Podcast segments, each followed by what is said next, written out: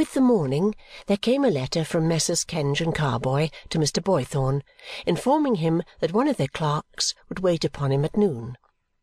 As it was the day of the week on which I paid the bills, and added up my books, and made all the household affairs as compact as possible, I remained at home while Mr. Jarndyce, Ada, and Richard took advantage of a very fine day to make a little excursion. Mr. Boythorn was to wait for Kenge and Carboy's clerk, and then was to go on foot to meet them on their return. Well! I was full of business, examining tradesmen's books, adding up columns, paying money, filing receipts, and I dare say making a great bustle about it, when Mr. Guppy was announced and shown in. I had had some idea that the clerk who was to be sent down might be the young gentleman who had met me at the coach office, and I was glad to see him because he was associated with my present happiness. I scarcely knew him again, he was so uncommonly smart. He had an entirely new suit of glossy clothes on, a shining hat, lilac kid gloves, a neckerchief of a variety of colours, a large hothouse flower in his buttonhole, and a thick gold ring on his little finger. Besides which, he quite scented the dining room with bear's grease and other perfumery. He looked at me with an attention that quite confused me when I begged him to take a seat until the servant should return and as he sat there crossing and uncrossing his legs in a corner, and I asked him if he had had a pleasant ride and hoped that Mr. Kenge was well, I never looked at him, but I found him looking at me in the same scrutinizing and curious way. When the request was brought to him that he would go upstairs to Mr. Boythorn's room, I mentioned that he would find lunch prepared for him when he came down, of which Mr. Jarndyce hoped he would partake. He said with some embarrassment, holding the handle of the door, "Shall I have the honour of finding you here, miss?" I replied yes, I should be there, and he went out with a bow and another look. I thought him only awkward and shy, for he was evidently much embarrassed, and I fancied that the best thing I could do would be to wait until I saw that he had everything he wanted and then to leave him to himself. The lunch was soon brought, but it remained for some time on the table.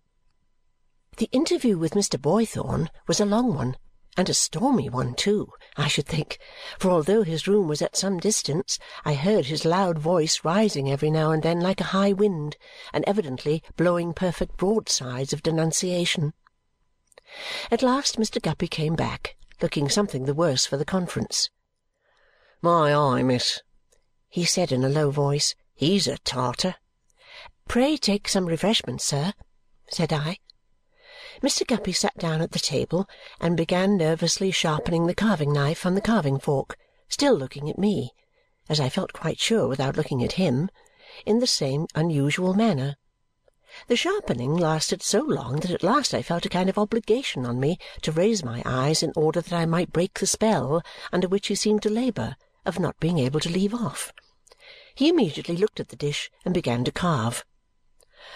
What will you take yourself, miss? You'll have a morsel of something?" Uh, "No, thank you," said I. "Shan't I give you a piece of anything at all, miss?" said Mr. Guppy, hurriedly drinking off a glass of wine. Uh, "Nothing, thank you," said I. "I have only waited to see that you have everything you want. Is there anything I can order for you?" "No. I am much obliged to you, miss, I'm sure. I've everything that I can require to make me comfortable. At least I not comfortable. I'm never that." He drank off two more glasses of wine, one after another. I thought I had better go. "I beg your pardon, miss," said Mr. Guppy, rising when he saw me rise, "but would you allow me the favour of a minute's private conversation?" Not knowing what to say, I sat down again. "What follows is without prejudice, miss," said Mr. Guppy, anxiously bringing a chair towards my table. "I don't understand what you mean," said I, wondering. "It's uh, one of our law terms, miss.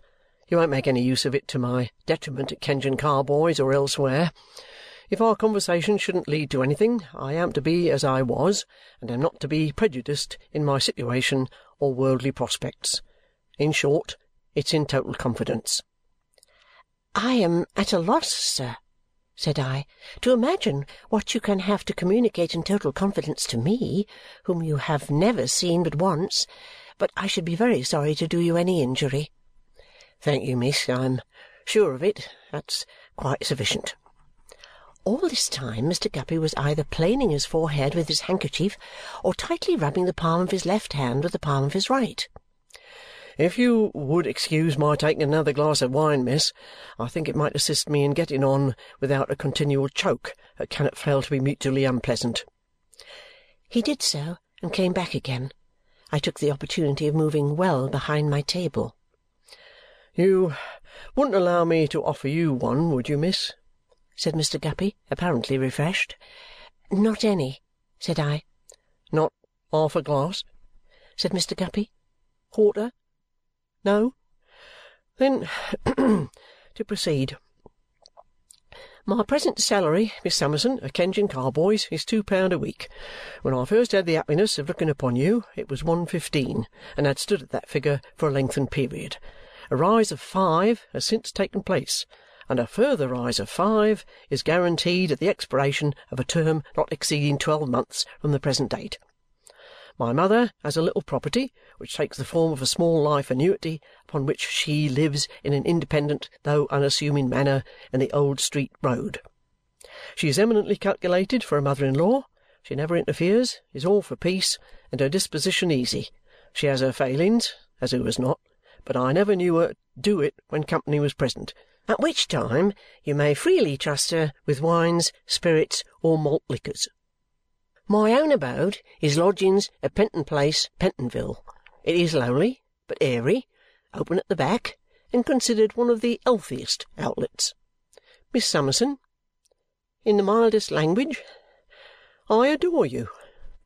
Would you be so kind as to allow me, as I may say, to file a declaration, to make an offer? Mr. Guppy went down on his knees. I was well behind my table and not much frightened. I said, "Get up from that ridiculous position immediately, sir, or you will oblige me to break my implied promise and ring the bell." "Hear me out, miss," said Mr. Guppy, folding his hands. "I cannot consent to hear another word, sir. I returned, "unless you get up from the carpet directly and go and sit down at the table as you ought to do if you have any sense at all." He looked piteously, but slowly rose and did so. "Yet what a mockery it is, miss," he said with his hand upon his heart and shaking his head at me in a melancholy manner over the tray, "to be stationed behind food at such a moment. The soul recoils from food at such a moment, miss. "I beg you to conclude," said I. "You have asked me to hear you out, and I beg you to conclude." "I will, miss," said Mr. Guppy. "As I love and honour, so likewise I obey. Would that I could make thee the subject of that vow before the shrine!" "That is quite impossible," said I, "and entirely out of the question." "I am aware," said Mr. Guppy leaning forward over the tray and regarding me, as I again strangely felt, though my eyes were not directed to him, with his late intent look, "I am aware that in a worldly point of view, according to all appearances, my offer is a poor one.